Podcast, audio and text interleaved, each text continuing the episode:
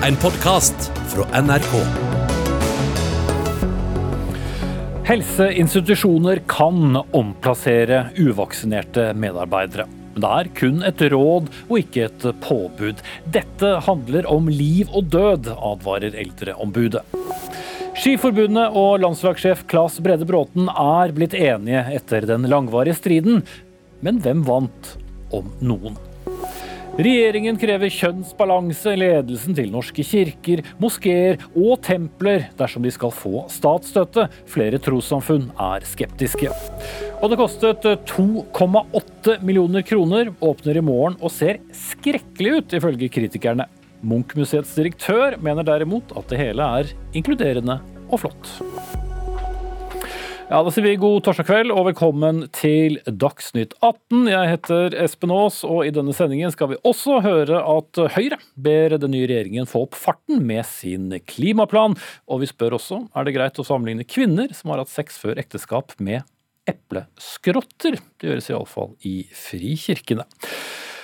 Til tross for at uvaksinerte helsearbeidere har smittet både pasienter og eldre med koronavirus flere steder her i landet, så kommer det foreløpig ingen nasjonale føringer for hvorvidt arbeidsgivere kan kreve at ansatte er fullvaksinerte, slik bl.a. Eldreombudet krevde her i NRK i går kveld. Helsedirektoratet kom i ettermiddag med en tresiders Eller ett for å bruke riktig ord, tresiders brev til kommunene der det presiseres at eh, de kan, men ikke må omplassere uvaksinerte ansatte. Men eldreombud Bente Lund Jacobsen, det her var kanskje ikke nok for deg? Nei, vi kan jo absolutt ikke tillate at vi slipper uvaksinerte inn i hjemmene til eh, de mest risikoutsatte i Ålesund, nei, i uh, Norge. Og, uh, og, Det vil jo være veldig viktig at man får noen klare restriksjoner og retningslinjer for hvordan man skal håndtere dette her ute i kommunene. Men hvor konkrete må da disse retningslinjene være, mener du?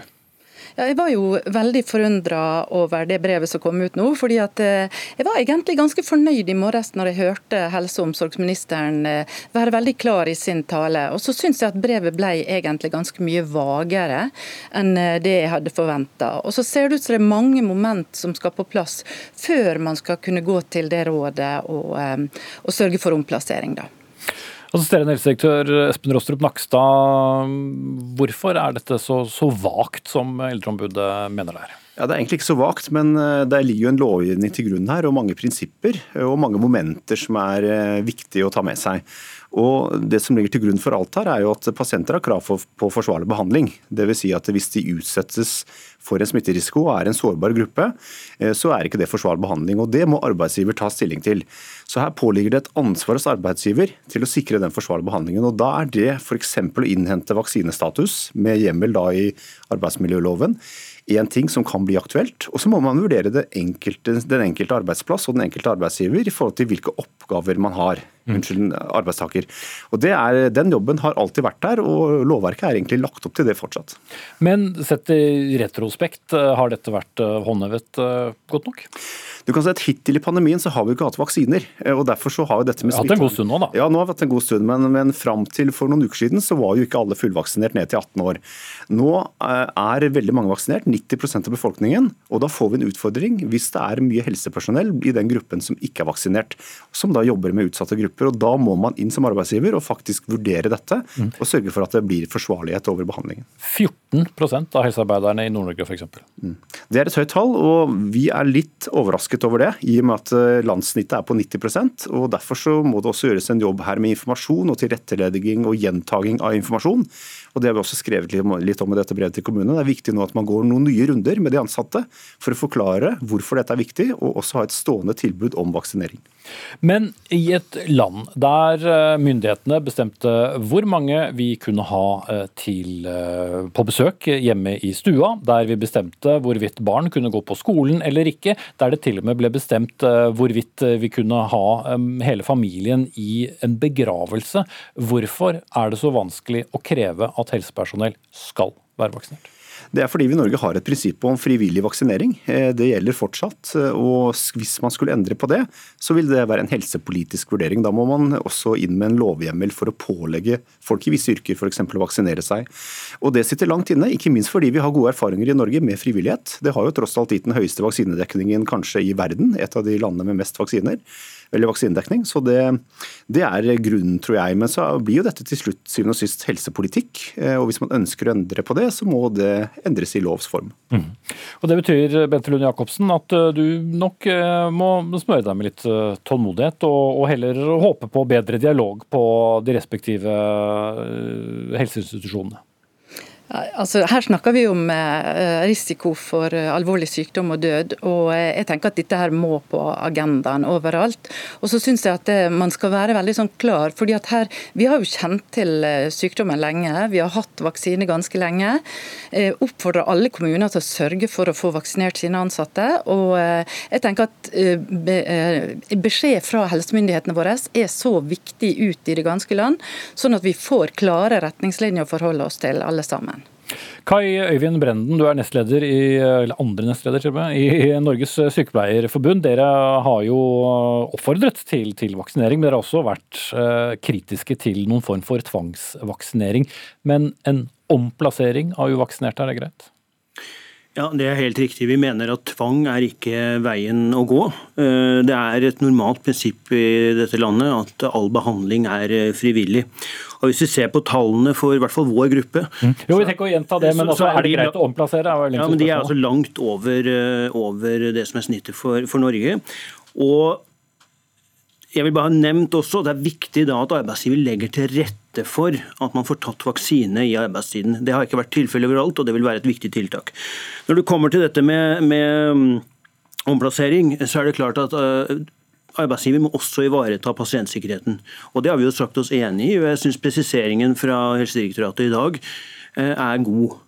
Vi har også sagt at uh, har du ikke tatt vaksine, eller altså, kan formidle det til leder, eller ikke vil si det, uh, så har jo Helsedirektoratet sagt at da må du anta at man ikke er vaksinert. Og Da har også arbeidsgiver i et pasientsikkerhetsperspektiv uh, mulighet til å omplassere, eller at arbeidstaker må benytte sikkerhetsutstyr mer enn det andre må. Og det er greit fra forbundets side? Ja, Slik vi vurderer regelverket, så er det innenfor. Og så er det viktig for oss bare for å sagt det også, at regelverket må praktiseres likt overalt, og det har det ikke vært. og Derfor er presiseringen fra Helsedirektoratet i dag nyttig både for arbeidsgiver og for arbeidstakere. Da vet man hva som gjelder. Ja, men samtidig så hører vi ombudet her eh, mene at dette er ganske vagt. og Blir det da likt? Eh, altså Presiseringen er jo for så vidt lik til, eh, til alle, men det er jo opp til hver enkelt institusjon og den dialogen som da er mellom, mellom ledelse og ansatte. Og hvis du har akkurat så mange ansatte og så mange pasienter, hva da? Nei, altså, Dette er jo regulert i arbeidsmiljøloven i dag. og Arbeidsgiver kan ikke i kraft av sin styringsrett kreve verken at du tar vaksinen eller at du fremlegger dokumentasjon på det som sådan. Og Da er omplassering til arbeid hvor du ikke møter eh, sårbare pasienter, den muligheten man har i, i første omgang. Igjen, Men flere sier også at det kan jo bety at du da ikke har nok uh, ansatte. Skal man da uh, be en uvaksinert uh, ansatt ta på seg et munnbind og si at det er greit nok, og sende vedkommende inn til en person som er syk eller godt voksen? Ja, man må, jo, man må, jo, skjermes fra pasienter som er i en sårbar gruppe. Men igjen, det viktigste tiltaket er at arbeidsgiver tilbyr vaksine i arbeidstiden, slik at, dette, at, flest mulig som ønsker å ta vaksinen, får muligheten til å ta vaksinen. Men per eh, 21.10.2021, tror vi det er mange helsearbeidere nå som ikke har rukket å ta vaksinen, eller handler det nå mest om at folk har latt være å ta vaksinen? Tilbakemeldingen til oss er at det fortsatt er arbeidsplasser som ikke tilbyr vaksine innenfor arbeidstiden, og at det er praktisk vanskelig for noen. Det er derfor vi gjentar det budskapet om at man må legge til rette for det. Våre grupper har i all mulig grad tatt uh, denne vaksinen, f.eks. spesialsykepleiere i vår organisasjon. 97% av de har tatt denne vaksinen. Blant de som ikke har tatt den, har vi bl.a. gravide arbeidstakere som fortsatt er usikre på om, om, de skal ta den, i hvert fall det første trimesteret. Mm. Eldreombud Bente Lund Jacobsen, du eh, har jo senest i dag snakket med mm, eh, flere kommuner og arbeidsgivere. Hva slags tilbakemeldinger eh, får du? Nei, det er klart, altså De fleste av oss har jo måttet gått ut fra arbeidsplassen vår for å ta vaksinene. og Jeg syns ikke det er den beste unnskyldninga for dem som ikke har tatt henne i dag. Og likedan er jeg sikker på at hvis kommunene trykker litt på nå, så får vi flere vaksinerte rundt omkring.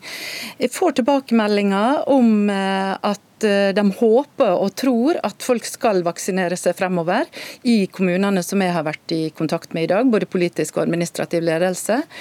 Og eh, jeg ser frem til å lese bedre tall etter denne dagen her, altså. Mm. Eh, Nakstad, når dere må gå ut da og presisere med tre tettskrevne eh, brevsider som dere har, har, gjort i dag, forteller det en historie om at det er for mye usikkerhet rundt på norske helseinstitusjoner og arbeidsplasser? Det forteller i hvert fall historien om at eh, nå er det all grunn til å gå nye runder med informasjon, tilrettelagt informasjon, og tilrettelegge også for vaksinering i arbeidstid, sånn som man har gjort bl.a. på sykehusene. Det er veldig viktig. og Kan vi få opp den prosenten med noen hakk da, så er det veldig nyttig. Og Så står vi igjen med en konkret forsvarlighetsvurdering hvor arbeidsgiver faktisk må inn og vurdere i det enkelte tilfellet disse oppgavene. Eh, og Hvis en uvaksinert person jobber med kreftpasienter eller eldre som er utsatte, så må man ta tak i det og, og gjøre noe med det, sånn at behandlingen blir forsvarlig. Det kravet har vært der hele tiden, men nå er det presisert. Og så tror vi at man kommer en god vei også med informasjon og tilrettelegging, så begge deler er viktig å gjøre nå. For det er problematisk dersom uvaksinerte skal uh, behandle uh, syke? Det er problematisk, og vi kan si at det er også problematisk at noen fullvaksinerte kan bli smittet nå. sånn at Det er jo ikke sånn at dette bare gjelder de uvaksinerte, det må vi også huske på. Det betyr at det å være hjemme når du er syk er særlig viktig hvis du jobber i helsetjenesten. Men ut fra hva du og andre har sagt om den vaksinen, ja. så er faren langt større for å smitte Absolutt, Det er en stor forskjell på å være 90% beskyttet mot å bli smittet, og det å ikke ha den beskyttelsen. Så det er veldig viktig å vaksinere seg, særlig når man jobber med pasienter. Det er helt et krystallklart råd, og derfor er det viktig at vi kommer videre med det nå. Og, og Brenden, Eh, det burde jo være et enkelt eh, valg. Hvis du har valgt å ikke vaksinere, så burde man jo si fra om det hvis du jobber med syke og eldre. Ja, det er sånn at Arbeidsgiver kan ikke kreve det. og Da skal ikke jeg gå inn i den juridiske vurderingen av det, men bare for å og, svare på, eller kommentere det du sier også. Det er jo slik i dag også. Er du, du på, eller, altså, er du forkjølet, så holder du deg hjemme. Eller i hvert fall møter du ikke pasienter som f.eks. nevnes her, eh, dårlige kreftpasienter. Da skjermer man de pasientene. og Det er det samme vi sier her. Vi oppfordrer til å ta vaksinen. Hvis man ikke vil oppgi det eller ikke har tatt vaksinen, så må man påregne seg en omplassering eller at man må bruke annet utstyr. Mm. Ok, Vi lar det være uh, siste ord. og Den som sa det var Kai Øyvind Brenden, andre nestleder i Norsk Sykepleierforbund. Vi hørte også Bente Lund Jacobsen, som er eldreombud, og Espen Rostrup Nakstad, assisterende helsedirektør.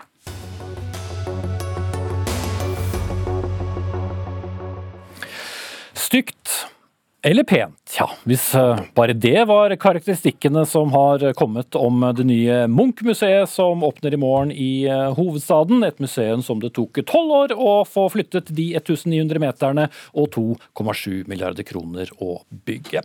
Flere kommentatorer, medlemmer av museet og kritikere har nå fått eh, se det fra innsiden, og blant karakteristikkene de har kommet med, så finner vi Darth Vaders feriebolig.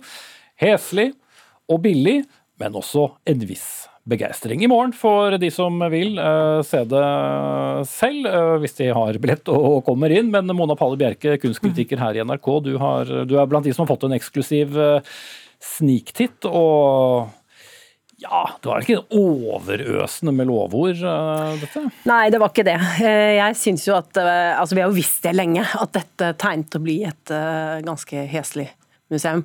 Eh, og, men, men, visste vi det ut fra hvordan det så ut på utsiden? Ja, både at vi har sett det reise seg som denne grå mastodonten i fjordgapet en god stund. I tillegg så er jo denne debatten rast, og vi har visst hvordan museet skulle komme til, å se ut. Men jeg var nok litt sjokkert da jeg kom inn, eh, for jeg hadde et håp om at ja, dette blir et veldig lite pent museum, et overraskende, litt sjokkerende lite pent museum fra utsiden. Men jeg tenkte at når man kommer inn, så vil det være en sånn ah, her inne er det likevel vakkert. Og det syns jeg virkelig ikke det var.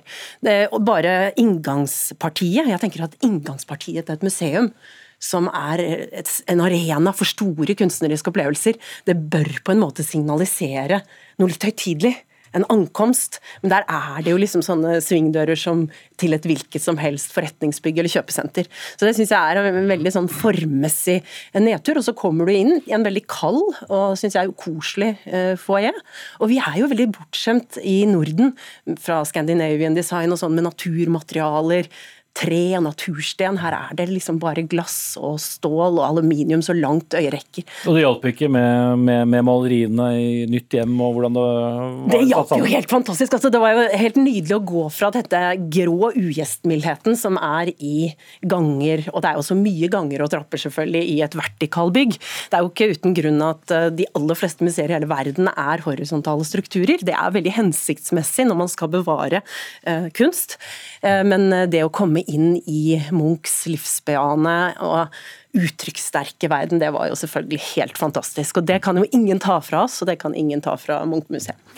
Ja, Gratulerer med dette heslige museet, da, Stein Olav Henriksen. Du er direktør ved, ved Munch-museet. Hvordan, Jeg regner med du er litt mer begeistret, men eh, hvordan eh, har du syntes det være å, å bla gjennom alle anmeldelser og karakteristikker som har kommet rundt i dag? For det første er jeg overveldet over den responsen. Vi har jo hatt 200 internasjonale medier nå innom i løpet av noen dager. Vi har hatt 100 norske medier, så her er det jo en enorm interesse, og det er jo veldig, veldig inspirerende. Og så tenker jeg at eh, Det som sies her om høytidelig, det er jo nettopp det vi ikke skal ha. Eh, og Det er jo her vi utfordrer en del av ekspertisen, ikke sant? som ønsker at dette skal være en høyborg hvor man nærmest må ha en doktorgrad for å føle seg hjemme. Og Det er jo det vi ikke skal ha. Vi skal ha et sted hvor vi har veldig lav terskel, hvor alle kan komme inn og føle at de er hjemme og føle seg som en del av det vi holder på med, og være med og skape det innholdet. det hadde vært hyggelig med litt uh, mildere karakteristikker enn uh, Nei, det andre som er, nei, altså hyggelig og hyggelig. Det jeg synes det første som er viktig med, det, med bygget, og for så vidt også innmaten, det er jo det at uh, du kan ikke du må forholde deg til det. Altså Det inspirerer ikke likegyldighet. Du er nødt til å ta standpunkt. Eh, og Det syns jeg er veldig bra. Det andre som er interessant, det er jo det at ekspertisen er enten de er nå kunsthistorikere eller arkitekter eller hva det nå er, så deler det seg på midten. Og da forteller det meg ja, men da er det jo synsing vi snakker om. Det er jo ikke, i hvert fall ikke faste kriterier som man kan forholde seg til. Da er det noen som mener at noe er pent, og noen andre mener at det er stygt. Og det er for så vidt ikke begreper som hører hjemme i arkitektur. Sjelden, sjelden, sjelden en, en, mening om, om, men, om men, noen anmeldelser, kanskje. Men, Sigrid Hvitsten, kulturredaktør i, i Dagbladet. Du var litt mer begeistret. Siterer fra, fra din avis i dag. Innsiden får hendene til å skjelve, hjertet til å banke og tårene til å presse seg på. Ja. Var du på samme sted som hjertet? jeg var det. Og eh, som Mona her, så har jeg vært blant dem som har vært ekstremt kritiske til selve bygget. Eh, jeg syns det er en eh, skamplett i bybildet. En slags en kloss som bare suger til seg all, alt lys. Så jeg hadde ganske lave forventninger da jeg kom inn. Også jeg gikk inn i denne foajeen med det liksom, som hvilket som helst, som så ut som hvilket som helst annet kommunalt bygg. Men så kom jeg da inn i den første utstillingen, og så møtte jeg Munchs kunst i helt andre flater, på en helt annen arena enn det jeg noen gang har sett. Og for meg, som jo har sett Munchs kunst i hele mitt liv siden jeg var fra Oslo, så var det likevel som å se det på nytt, altså liksom for første gang. Eh, og da begynte hendene å skjelve og tårene å presse seg på, for jeg tenkte herregud, for en kunstner.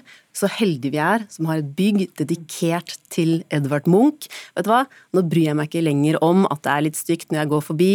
Innsiden er så fantastisk. Mm, det hadde jo vært mye mer fantastisk hvis vi hadde et vakkert bygg som en verdig ramme rundt denne kunstneren. Og jeg syns jo det er ganske komisk når man sier fra Munch-museet at ja, men eh, vi vil jo ikke at arkitekturen skal ta luven fra kunsten her. Vi vil holde en lav profil arkitektonisk. Det er jo ikke sånn at vi Det har jeg vel aldri Men det er jo blitt, blitt sagt at liksom, det er bra at arkitekturen er tonet ned. Munch trenger jo ikke det. Munch kunne jo helt fint hatt en, en, en vakker vakker, eh, formsterk arkitektur, og ingenting tar luven fra ham uansett. Og det at man sier at her skal det være lav terskel, og det skal ikke være en høyborg som man må ha doktorgrad for å gå inn i. Jeg tenker at det er helt motsatt. Dette er jo knusende monumentalt når du kommer inn. Det er bare ukoselig og ribbet. Det er jo veldig bra, syns jeg, at vi lager et monumentalt verk for en monumental kunstner, og at det er noe brutalt. At det står seg veldig både i bybildet og i hele byutviklingen. Men at det står seg som et slags imperativ for kunstens betydning i, og ikke minst eh, Edvard Munchs betydning i vår samfunnsutvikling. Det syns jeg er helt uh, riktig. Og En annen ting som blir sagt nå som jeg, som jeg syns er, er, er, veldig fint, det er det at uh, du kommer inn i utstillingshallene, så er du ikke fylt opp med alle mulige andre inntrykk før du er der. Ikke fordi at arkitekturen spilles ned, men den spiller inn på at det er kunstopplevelsen som er det viktige her, som er det sentrale her, og ikke alt mulig annet. Derfor så har vi jo denne flyplassanalogen som jeg har sett flere steder nå. Den er glimrende. Hvis dette ligner på en flyplass, ja da har vi lykkes veldig. Fordi at en flyplass er et sted hvor alle er like. Alle kommer dit frivillig. Mange trives der, og mange skal i hvert fall ut og reise og er forventningsfulle. De skal ut på et eller annet. Og det samme skal skje hos oss. Og alle skal være hjertelig velkommen, og alle skal føle at dette er ikke et sted hvor de må måtte forventes at man skal være på en eller annen sosial rang eller en eller annen slags ekspertiserang for å kunne delta og oppleve og være med oss i det rommet. Jeg håper at hele samfunnet for så vidt har lyst til å komme dit igjen og igjen og igjen. Og det tror jeg vi har bygget et hus som legger til rette for. Pirrer sikkert litt nysgjerrighet uh, nå i dag, men, men det er jo et par andre signalbygg uh, i samme område. Vi har Operaen, hvor begeistringen er både stor både innsiden og utsiden. Det samme med, med hovedbiblioteket. Er det ikke så farlig når det er så flott kunst, som da tar luen fra andre deg? da? Altså En av grunnene til at jeg er mer opptatt av innsiden enn utsiden akkurat i dag, er jo fordi at Oslo kommune har jo lang, lang, lang tradisjon for å vanskjøtte kunsten sin. Altså Rolf Stenersen han forærte Aker, senere Oslo, kunstsamlingen sin i 1936. Jeg kunne snakket i timevis om hva den, kunst, ja, hva den kunstsamlingen opp opplevde eh, før den eh, kom hit. Den er blitt skåret ut av rammer, kastet, dumpet i Frognerparken, nedrøyket ølskum overalt. Altså sånn, den kunstsamlingen har opplevd eh, like, like, mye som si, mange av de andre som frekventerer kaia der. Eh, eh, og også, selv om Munch fikk sitt museum ganske raskt, så har det jo lenge, det, tok det ganske lang tid før vi fikk dette nye museet på plass. Så jeg er egentlig bare glad for at vi til slutt faktisk har fått en egnet arena der vi endelig kan oppleve Munchs kunst. Og så tror jeg det eh, at vi kanskje begynner å bli litt grann bortskjemte akkurat når det gjelder disse utstillingssalene. At vi plutselig er litt for mye opptatt av om det er bladgull og ekte marmor, eh, enn hva det er som eh, vi egentlig skal oppleve. Mm. Men de første tegningene så litt annerledes ut? Det gjorde de så absolutt. Og altså, jeg er jo også blant dem som syns at Lambda er et forferdelig stygt bygg. Og jeg skulle så gjerne hatt noe som passet litt bedre inn. Men nå står det der, og nå får vi leve med det. Og vi får gå og se på det. Du må ikke si Lambda lenger. Men eh, når det er sagt, så vil jeg si at jeg tror vi har bygget et bygg som er et statement, som kommer til å være i sentrum av samfunnsutviklingen. Det vil jo tiden vise. Jeg tror vi skal klare å skape kunstinteresse med det bygget. Jeg tror at det har en lav terskel. Vi ser nå at både barn og unge allerede har vært på besøk, er veldig begeistret. Og ikke bare pga. Kunsten, men fordi at det er et bygg som inspirerer, og som inviterer inn, og ikke låser noe ute. Så jeg er helt sikker på at det her kommer til å få en veldig positiv betydning over, over tid. Og det er jo sånn at 60% av vår befolkning ikke bruker kunstmuseene. Det skal vi gjøre noe med, og jeg mener at vi har fått det verktøyet vi nå har fått, som nettopp skal hjelpe oss til å løse den, eh, den gåten og den knuten. Ja. Det kan jo pirre, pirre appetitten da, Bjerke, ja. om både dette autovernutseendet fra utsiden med, med, knekken eh, på toppen, og, ja, og dine karakteristikker om, om, hva som møter deg på innsiden. Ja, jeg er jo fantastisk glad for at vi har eh, arena hvor vi kan se mye Munch og mye mer av den unike samlingen, men eh, jeg tror det blir mer på, på tross av dette bygget enn av det. Den økte kunstinteressen og den økte Munch-interessen vi kommer til å se.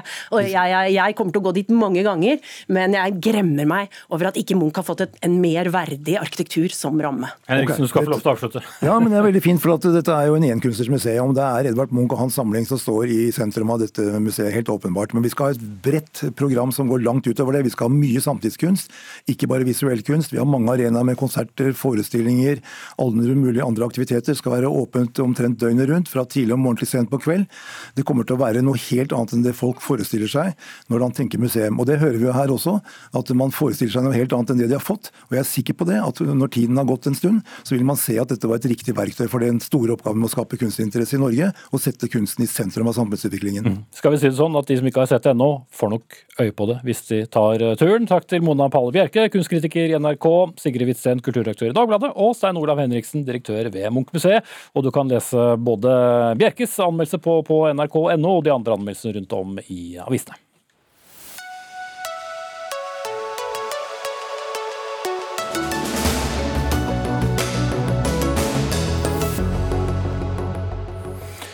Knapt har de tidligere statsrådene vent seg til å måtte kjøre bil eller ta bussen til jobben selv, før kritikken av den nye regjeringen er på plass. Og litt senere i sendingen så barker Nikolai Astrup sammen med Arbeiderpartiets nye miljø- og klimaminister Espen Barth Eide, for Astrup krever nemlig å få se regjeringens klimaplan, selv om hans egen regjering brukte sju og et halvt år på sin. Men eh, nå, den eh, samme nye regjeringen har møtt kritikk fra flere trossamfunn etter et krav om minst 40 40 av eh, hvert eh, kjønn, eller i hvert fall av kvinne og mann, for å presisere, i styrene til landets kirker, moskeer og templer. Men i går sa vår nye barne- og, familieminister til Vårt Land at de vil vurdere visse unntak til enkelte organisasjoner, men eh, hovedkravet er fortsatt tydelig likestilling eller full stopp ifra statens velfylte pengekasse. Og barne- og familieminister Kjersti Toppe fra Senterpartiet, hvorfor så spesifikk? Nei, Vi ønsker jo å, å, å ha et uh, mangfold av tro- og livssamfunn og støtte opp om dem. Eh, men det er ikke urimelig at eh, staten eh, setter noen betingelser eh, for de som en gir støtte fra fellesskapet. Og at en setter noen krav til både demokrati og åpenhet og representasjon. Og dette er jo et krav som er til de administrative styrene om bl.a. kjønnsrepresentasjon på, på 40% Og så skal jo vi utforme dette kravet og se på hva rammene rundt det skal være. Og eh, jeg vil jo si at jeg skal ha en tett dialog med de tro- og livssamfunnene når vi skal utforme dette kravet. Men, men, poenget er jo at vi vil sørge for likestilling og representasjon òg i disse organisasjonene. Mm. Skal du kort ta de unntakene du har kommet frem til? Nei, det kan jeg ikke gjøre nå. Jeg eh, signaliserer jo på spørsmål at det, og det har kommet opp i media at det er noen særskilte organisasjoner eller samfunn da, som har helt spesielle Eh, ja, situasjoner der vi kan vurdere det, men det må jo komme tilbake igjen til når vi, når vi skal utforme dette kravet. Mm. Flere trossamfunn, buddhistiske, kristne og muslimske, har uttrykt skepsis overfor dette kravet om, om kjønnsfordelingen, og du syns vel heller ikke dette var en sånn kjempegod idé, Ingrid Rosendorf Joyce, generalsekretær i det som heter Samarbeidsrådet for tros- og livssyn. Hvorfor ikke? Nei, For det første så eh, tenker vi at målet er det samme for oss alle. Eh, det er ingen av våre medlemssamfunn eller deres underorganisasjoner som ikke ønsker likestilling. Vi ønsker både 40 og 50% av begge kjønn. Men det er to grunner til at, eh, at vi tenker at er, det er vanskelig å få dette som et pålegg fra staten. Det ene er at, at tros- og livssynssamfunnet ser veldig forskjellig ut. For så har vi buddhistiske med 90% kvinner. Da er det urimelig at det skal være 40 eh, menn i det styret, f.eks. Eh, en annen ting er at eh, at dette er frivillige organisasjoner. ikke sant? Det er frivillige organisasjoner som langt på vei altså Det er ikke et aksjeselskap og du skal få inn noen som skal få feite honorarer for å sitte i styrene. Det er folk som blir spurt om å gjøre en innsats, gratis, på ubekvemme tidspunkt, på kveldstid etter de har lagt barna osv så langt på vei handler det for tros- og livssynssamfunnene det å finne folk som kan stille. og Da tar de seg til takke med både kvinner og menn, litt sånn uavhengig av, av prosentandelen.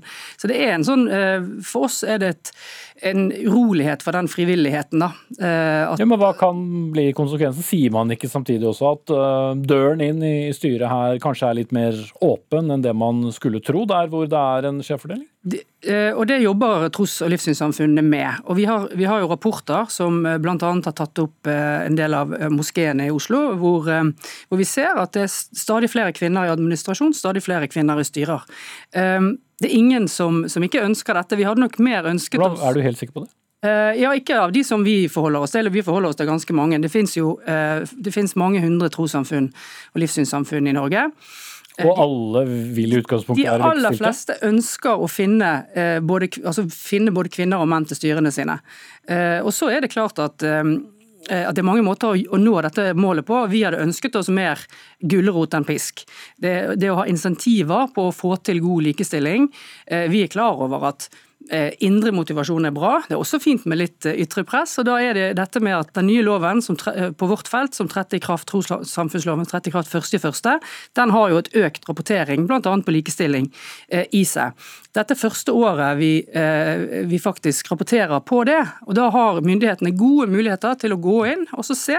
Så er litt tidlig, rett og slett? er det du Det er litt tidlig. Gi okay. det et par år, så hadde det vært greit. Men Toppe, du har ikke så god tid, og heller ikke helt tro på at uh, gulrøtter hjelper?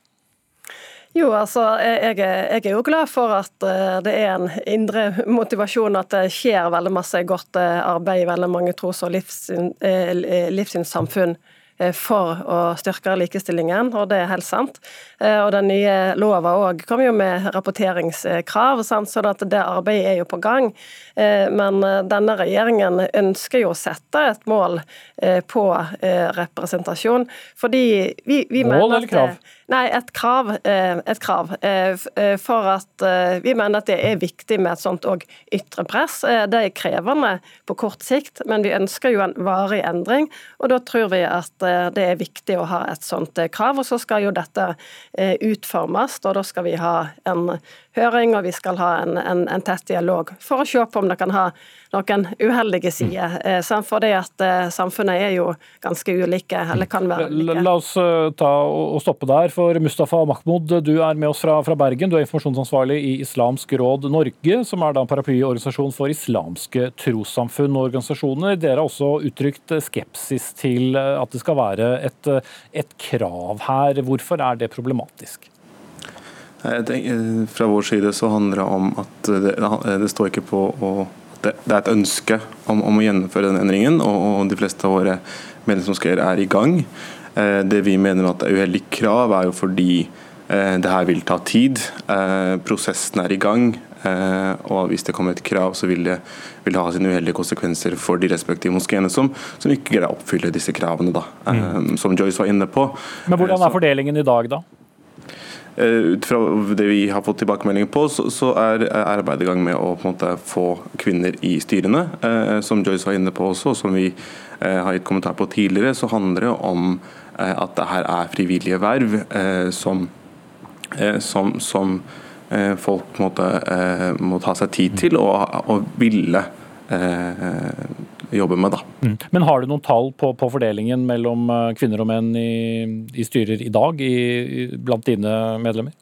Det, det er en økning eh, i, i, styrene våre eh, på, på antall, eh, antall, medlemmer i, i, styrene av kvinnelig kjønn. Mm. Men er, den, er det godt representert? Det, det, er, det, er, en økning. Eh, enkelte har godt eh, representert, andre er på vei. Eh, her handler det om, handler om medlemsmassen også, som, som, igjen tilbake til Just var inne på. Buddhistiske har 90% kvinner, enkelte moskeer har større andel menn. Og da vil det for en være vanskelig å si Men et stykke unna 40% kvinneandel, f.eks.? F.eks. Mm, Joyce? Jeg tenker at den rapportering, Rapporteringsmuligheten er en veldig god mulighet for uh, også ny regjering da, å, å, se på det. Nå har vi rapportert én gang, det er i år. Um, og Da rapporterer alle tros- og livssynssamfunnet bl.a. på dette med, med, likestilling og hvordan de jobber med det. Og Da er det en god mulighet for, uh, for, uh, for Toppe og for departementet, fylkesmann eller statsforvalter, å gå inn og se. Her er det, ikke, her er det bare 20 hva, hva, hva skal til her? ikke sant? og Hvis det til neste år da fremdeles er 20 eller at ikke liksom det går fort nok, så har man en mulighet for man har den tilsynsretten og man har det innsynet man trenger. Det ligger i rapporteringen. Så jeg tenker eh, dette er et ønske, ønsket utvikling fra sektorens side. Veldig klare, eh, klare meldinger fra myndighetene, og ikke minst nå fra ny regjering, om at dette er ønsket. Eh, så la, tenker jeg, la oss få noen, noen, år, så vi kan få dette på plass på en, på en god måte som får med trossamfunnet. Mm. Nei, Jeg syns det er veldig positive signaler. For det er klart at Vi vil jo støtte opp om de positive eh, tingene som vi kan gjøre, og, og, og hjelpe til. og Den rapporteringen er jo et, et virkemiddel. Og så vil vi jo vi ha da et, et, krav, eh, men her ønsker jo en eh, det samme. Og Det som er viktig for meg å si, er at det kravet skal ikke gå ut over trosfriheten. Og Det er jo òg eh, sagt spesifikt i Hurdalsplattformen at det er de administrative styrene vi setter dette kravet. Og Så skal vi ha en, ha en tett dialog, og jeg, jeg ser at det iallfall Vi har jo det samme målet, og det er jeg veldig glad for. Men Mahmoud, hva, hvis vi skal tilbake til dette pisk- og gulrot-prinsippet som vi alltid ender opp med, da, hva, hva gjør dere konkret for å, å rekruttere kvinner til uh, styrer hos dine medlemmer? Vi, vi, prøver vårt beste til å rekruttere eh, og, og bidrar med råd og veiledning til de moskeene som, som, trenger det. Uh, er, jeg må si meg enig med Joyce at det handler mer om å gi en gulrot fremfor å være ute med pisken. Eh, og at det er viktig eh, å inngå et samarbeid eh, og, og skape den endringen sammen. og heller gi det litt mer tid enn, at det kom et krav ovenifra. Mm. Hvilke faktorer er vanskelig for å øke rekrutteringen blant kvinner, som vel er der dere fortsatt mangler noen? Det, det, er forskjellige faktorer. Det, det er faktorer som, som f.eks. interesse, jobb, privatliv. Viktig å understreke her er at det er frivillige verv, så en må selv ønske om å, å ha det vervet. Hos moskeene så, så, står det ikke på å, å gi dem det vervet, men, men, at det må komme et, som et ønske fra vedkommende også om å ha det vervet. Mm. Kort til slutt, Kjersti Toppe. Hvor lang tid skal dere bruke på å bestemme dere? Eh, nei, Det har vi seg ikke bestemt oss for eh, ennå. Men, men, men, det er enormt viktig for meg å si at eh, det er viktig både seg med, med pisk og gulrot her, og at en, at en må òg ha et ytre krav. Det viser jo historisk likestillingsarbeid at det bidrar positivt og er viktig for å sikre likestilling og integrering. og Det er jo òg et mål for oss å, å få til på, på tros- og livssynsfeltet. Ok, Sett strek der. Kjersti Toppe, barne- og familieminister fra Senterpartiet. Ingrid Rostorff Joyce, generalsekretær i Samarbeidsrådet for tros- og livssyn. Og med oss fra Bergen, Mustafa Mahmoud, informasjonsansvarlig i Islamsk råd Norge.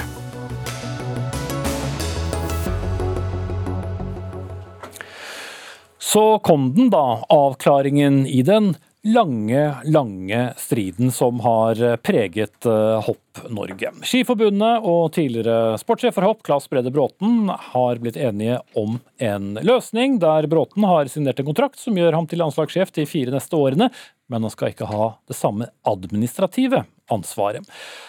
Akkurat nå så er det styremøte i, i Skiforbundet der den ferske avtalen presenteres, og det betyr at verken Claes Brede Bråten eller skipresident Erik Røste kan komme hit. Men forhåpentligvis rekker de slutten av Dagsrevyen, for dere som er spent på å høre hva de sier.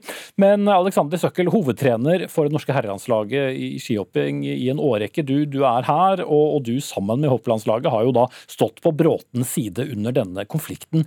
Men hva slags løsning er det egentlig vi har fått? Jeg tror det er en løsning som alle parter er fornøyd med. Um, jeg tror um, den stillingen Klas får nå, er egentlig uh, gå på de styrkene han egentlig har i utgangspunktet. Altså, han får brukt den energien han har uh, mest hensiktsmessig for norsk hoppsport. Og, og, det, og det handler om det sportslige mer enn det, det organisatoriske? Det er riktig, ja. Så, så det tror jeg er veldig, en grei avgjørelse. Mange har jo pekt på at dette ligner jo til forveksling eh, en løsning som, som ble presentert eh, allerede i slutten av eh, september. Kunne denne striden vært bilagt allerede da?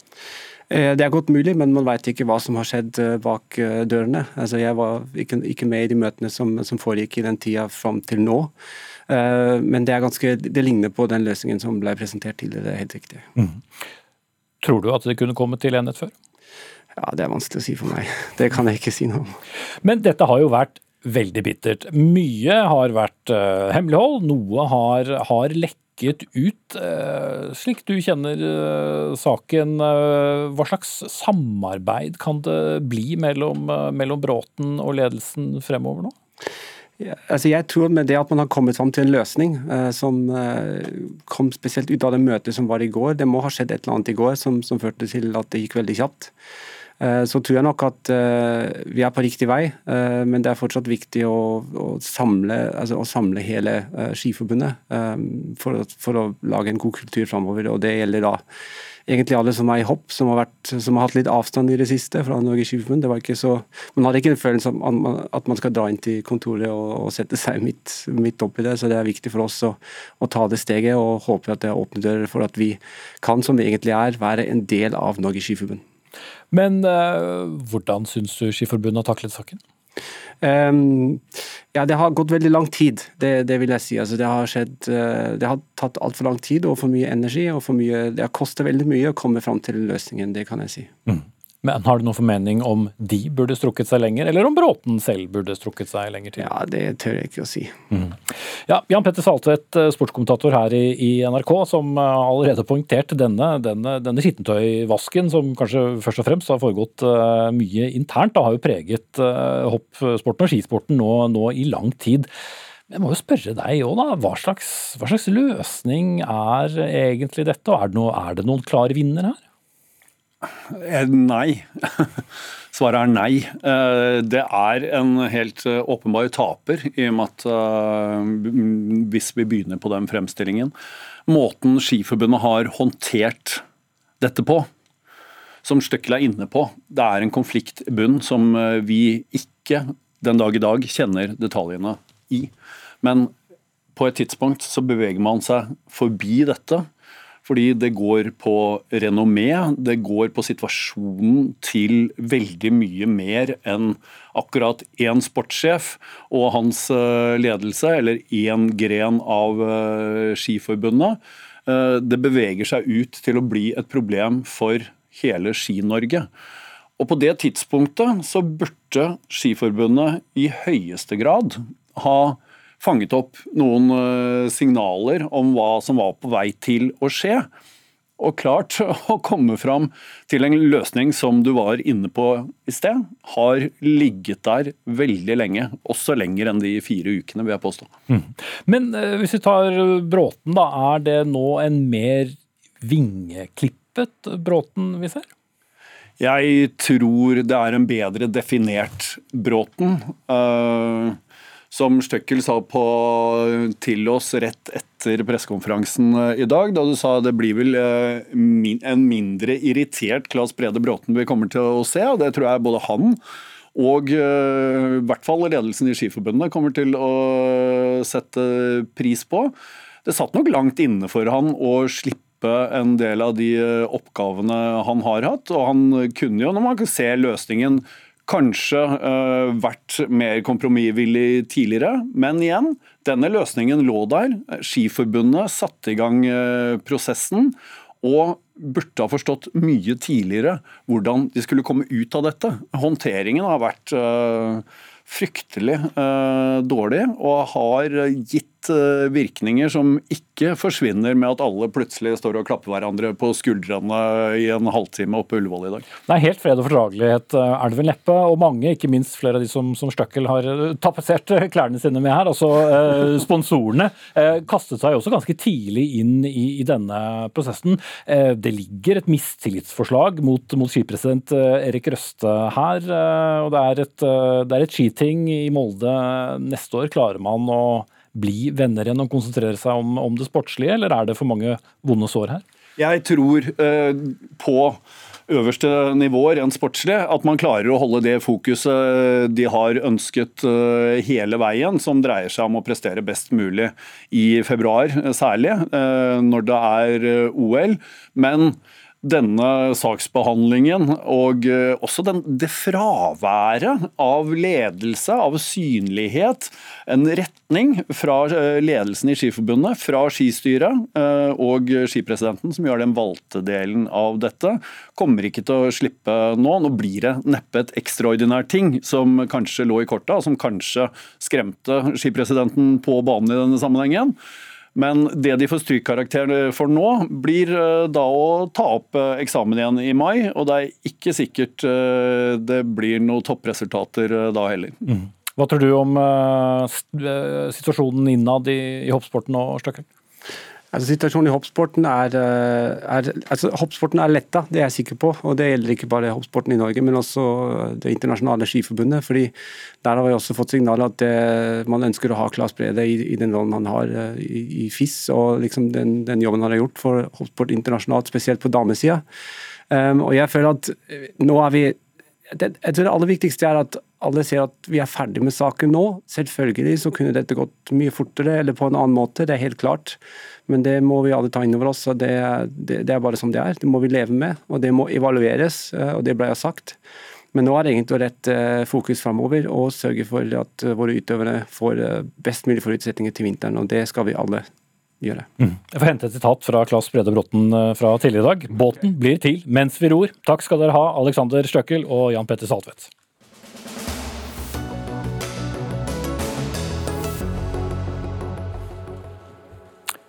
Ikke hadde den forrige regjeringen, ikke før hadde den forrige regjeringens medlemmer vennet seg til å komme seg på jobb for egen maskin, før kravene til den nye regjeringen begynte å hagle. For nå haster det å få på plass en klimaplan dersom Norge skal omstille seg tidsnok, er signalet fra Høyre som også brukte litt tid på, på sin egen. Nikolai Astrup, stortingsrepresentant fra, fra, Høyre og medlem av energi- og, og miljøkomiteen. Var det sju og et halvt år dere brukte? Hvorfor haster det så mye nå? Jeg er ikke enig at Vi brukte syv og et halvt år. Vi gjennomførte en rekke klimapolitiske tiltak og landet en omfattende avtale med EU, som jo ligger til grunn også for Hurdalsplattformen. Så det er veldig positivt. Og vi la frem en klimamelding til Stortinget som ble behandlet rett før sommeren. Så grunnlaget ligger der. Det er utredet en stor meny av ulike tiltak. Men grunnen til at det haster når nå regjeringen har sagt at de skal komme med en ny eh, klimaplan, det er jo fordi vi skal gjennom en enorm omstilling. Og alle de aktørene som skal være med på å gjennomføre den omstillingen, de eh, fortjener å vite hva slags rammevilkår de skal forholde seg til. Vi vet at industrielle aktører de tar beslutninger som skal stå seg i 30-40 år fremover. Eh, og det er veldig kort tid frem til 2030, så det er ganske avgjørende for å kunne regne hjem de ulike investeringene som skal gjøres, at eh, rammevilkårene er på plass.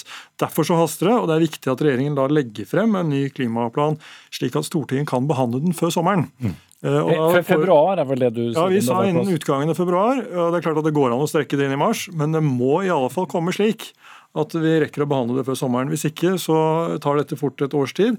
Det har vi ikke tid til å vente på, for det er bare eh, åtte år igjen til vi er der vi skal være med 55 kutt. Espen Barth Eide, klima- og miljøminister fra Arbeiderpartiet. Får dere den klar? Altså, jeg er jo utålmodig, eh, og jeg vil veldig gjerne at vi nå setter alle kluter til for å få en veldig tydelig og ambisiøs klimapolitikk eh, på plass, som altså kan eh, oppfylle de veldig tydelige målene vi har lagt i Hurdalsplattformen. Så Sånn sett så deler jeg, deler jeg det engasjementet som, som Astrup har. Men de brukte altså sju og et halvt år på sin egen plan, og så vil de at vi skal bruke tre måneder på vår. Det er litt snaut. De har lagt et godt grunnlag, sier Astrup. Og for det første er det litt litt snaut i forhold til at vi skal gjøre en god del nye ting. Vi skal jo nå inn i kvotepliktig sektor. Altså De klimaplanene vi har hatt i Norge så langt, har jo gått på halve økonomien, det vi kaller ikke-kvotepliktig sektor. Nå skal vi gjøre det pluss den andre halvparten, ikke minst det som går på industri, og få ned utslippene i industrien på en mye mer proaktiv måte. Eh, men Det skal vi gjøre så fort vi kan, men vi skal også gjøre det skikkelig. Eh, og For lengre tid det går, jo kortere tid er det frem til 2030. Men det andre som er litt, eh, litt interessant med Astrups iver for at vi skal lage en ny plan, er at hans regjering laget altså en klimaplan for under et år siden, eh, som Stortinget behandlet rett før sommeren. og Der var det jo ett stort hovedgrep, som var å øke CO2-avgiften opp til 2000 kroner mot slutten av tiåret. Det er jo vi enig i, så det, det, fikk jo tilslutning. Så Det som de mente var det viktigste grepet i fjor, det er da åpenbart ikke nok nå. Og det er jeg litt enig i, for det har det faktisk eh, Astrup et poeng. Vi er nødt til å tilføre mange flere tiltak hvor staten og næringslivet kan samarbeide om å utvikle de løsningene som gjør at vi får ned utslippene. Høres ut som ikke Stortinget får se denne før neste sommer, da? eller? Jeg har ikke tenkt å komme med en dato. Jeg skal komme med den klimaplanen så fort som mulig og forsvarlig. Men det viktigste for meg er at den er god, at den er ambisiøs, konkret og tydelig. Og så står det jo ganske mye i Hurdalsplattformen allerede om hva vi faktisk vil gjøre, og det setter vi i gang med nå.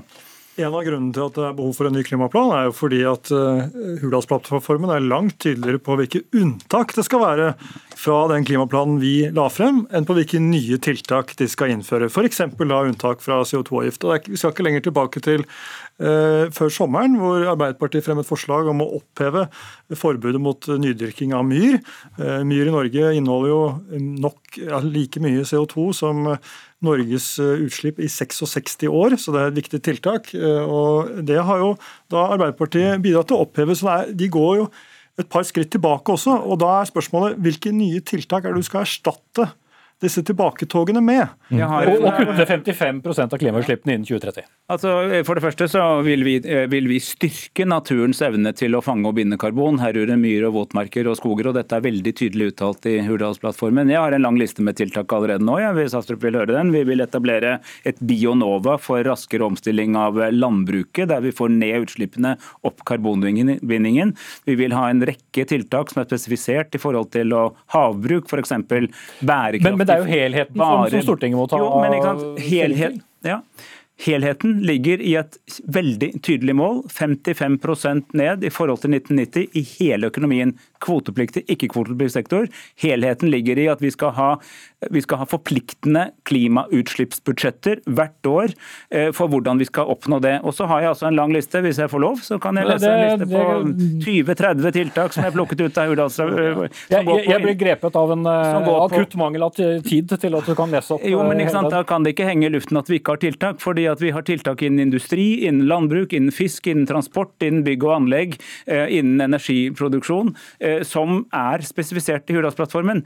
Det vi skal gjøre nå, er å gå i partnerskap med de det angår, i hele landet. Folk der ute, næringsliv, stort og smått. å lage, gjøre staten til en god klimapartner for et næringsliv som ønsker å møte det markedet der ute. som ønsker Og, og da dere jobbet med deres eh, klimafond, for det, til sjuende og sist er jo disse 55 da, um, som utslippene skal ned, målt mot 1990. Og hvor mye må vi da kutte i de åtte resterende året for å nå dette målet? For Poenget er jo at det er ganske mye.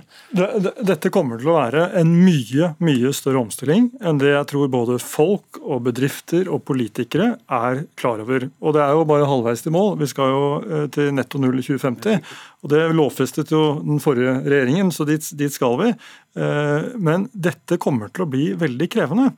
Eh, og jeg tror nok også vi som er politikere må bli mye flinkere til å få folk med oss på dette skiftet enn det vi kanskje har vært tidligere. fordi Eh, det, det, kommer ikke til å være noen snarveier. og Det er derfor det bekymrer meg at Hurdalsplattformen har så mange tilbaketog og unntak, og at alle de tiltakene som Espen Barth Eide, Eide, her snakker om, det er jo tiltak som ligger i den planen som vi la frem, og så går de tilbake noen skritt. Og Da er spørsmålet hva kommer isteden? Og Dette fortjener altså alle de aktørene som skal være med på denne store omstillingen, å vite mye mer om, og de må vite det raskt. Og så må vi altså få til en enighet i Stortinget, og da tipper jeg Espen Barth Eide også ønsker en konstruktiv opposisjon jeg må det ønsker jeg, og Det var altså Stortinget, ikke regjeringen, som lovfestes disse eh, kravene. Den, den klimaplanen den står vi bak, og vi ønsker å øke ambisjonene utover det, og så vil vi ha konkrete grep sektor for sektor, år for år, for hvordan vi skal nå 2030. Da skal vi diskutere den i, i Dagsnytt 18 når vi kommer så langt. Nikolai Astrup, stortingsrepresentant fra Høyre, fra energi- og miljøkomiteen, og klima- og miljøminister Espen Barth Eide fra Arbeiderpartiet.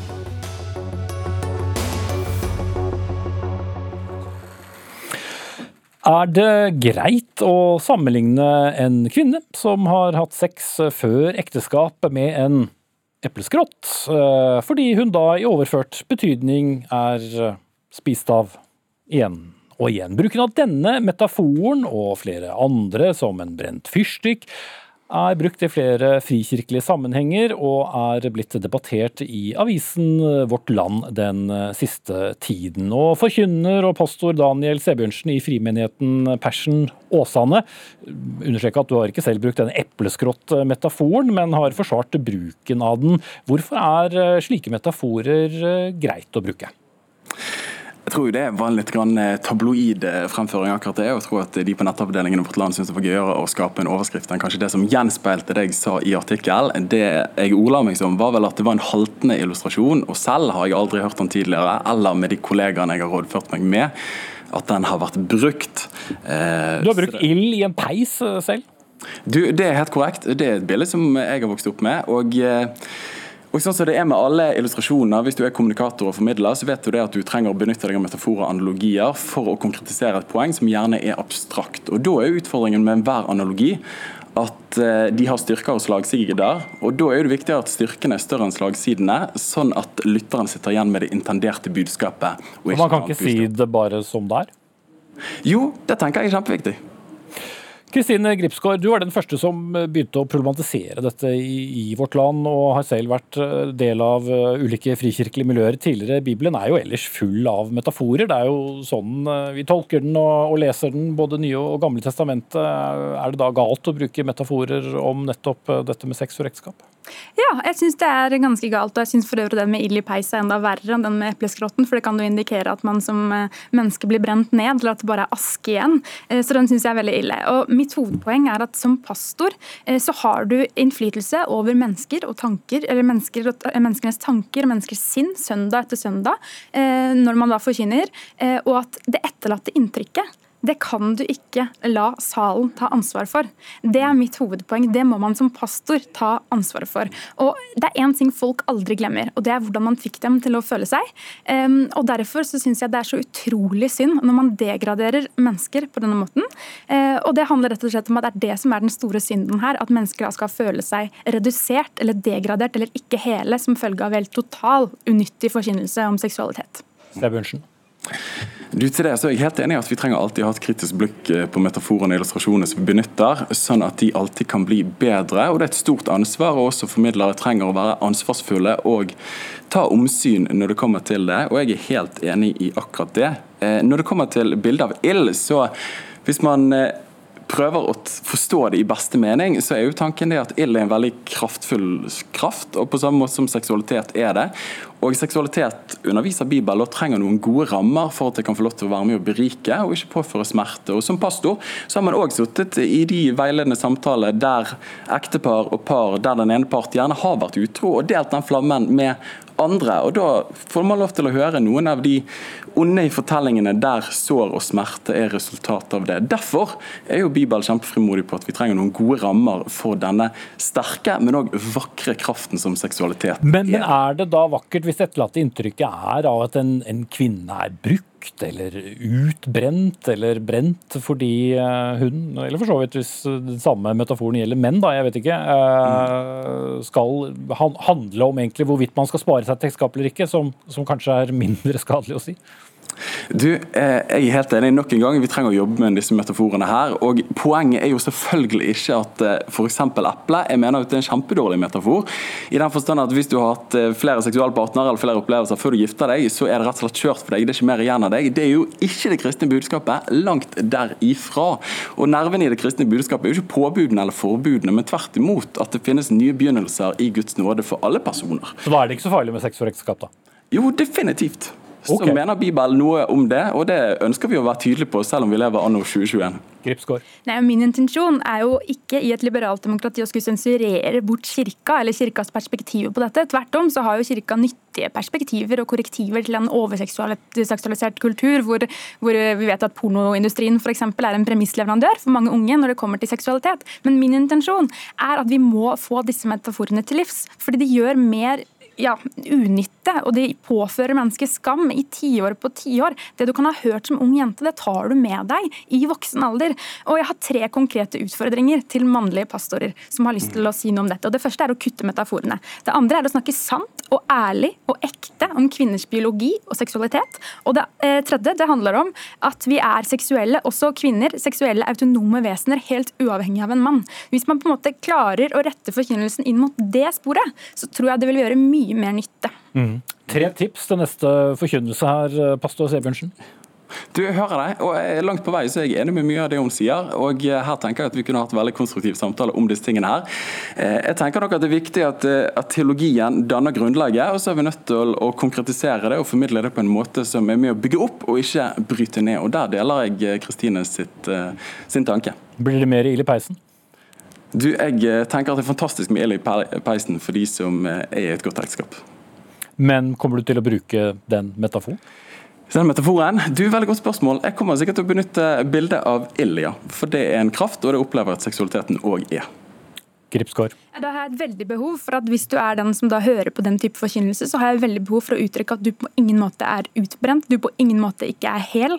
Nei, tvert om så er du helt verdifull som kvinne videre, uavhengig av hva en mannlig forkynner har stått og ment om hva du eventuelt eh, skal være eller ikke være. Mm. For det er et klart kjønnsperspektiv her, eh, hører jeg fra deg på alt du har sagt eh, gjennom debatten, Gripsgård? Ja, og det handler litt om de to andre tipsene jeg også delte, og det er at man som ung jente ofte ikke blir fortalt at man er et seksuelt autonomt vesen i disse miljøene, og det er det ekteskapssynet som er rådende. og Det er det jeg også har lyst til å fremheve her. Nettopp at man som kvinne er et seksuelt vesen uavhengig av en mann. Mm. Du skal få et enstavelsesord å svare på til slutt, eh, Sebjørnsen. Tar du det på alvor?